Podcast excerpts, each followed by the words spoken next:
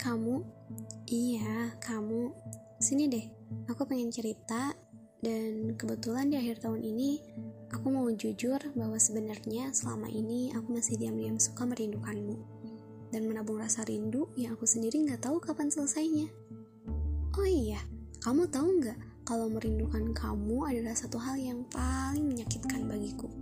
Tapi ada yang lebih menyakitkan, bahkan lebih menyiksa daripada itu. Kamu tahu? Yaitu pura-pura untuk tidak merindukanmu. Kamu aneh, kamu bodoh, kamu sudah gila. Mungkin kalimat itu lebih cocok untukku, karena untuk apa aku menunggu seseorang yang sudah mengecewakanku? Dan lebih uniknya lagi, aku terus menantimu dalam diam dan mencintaimu lewat doa. Jika suatu saat nanti sang pencipta memang tidak mengizinkan kita untuk bersama, di sanalah penantianku akan berakhir.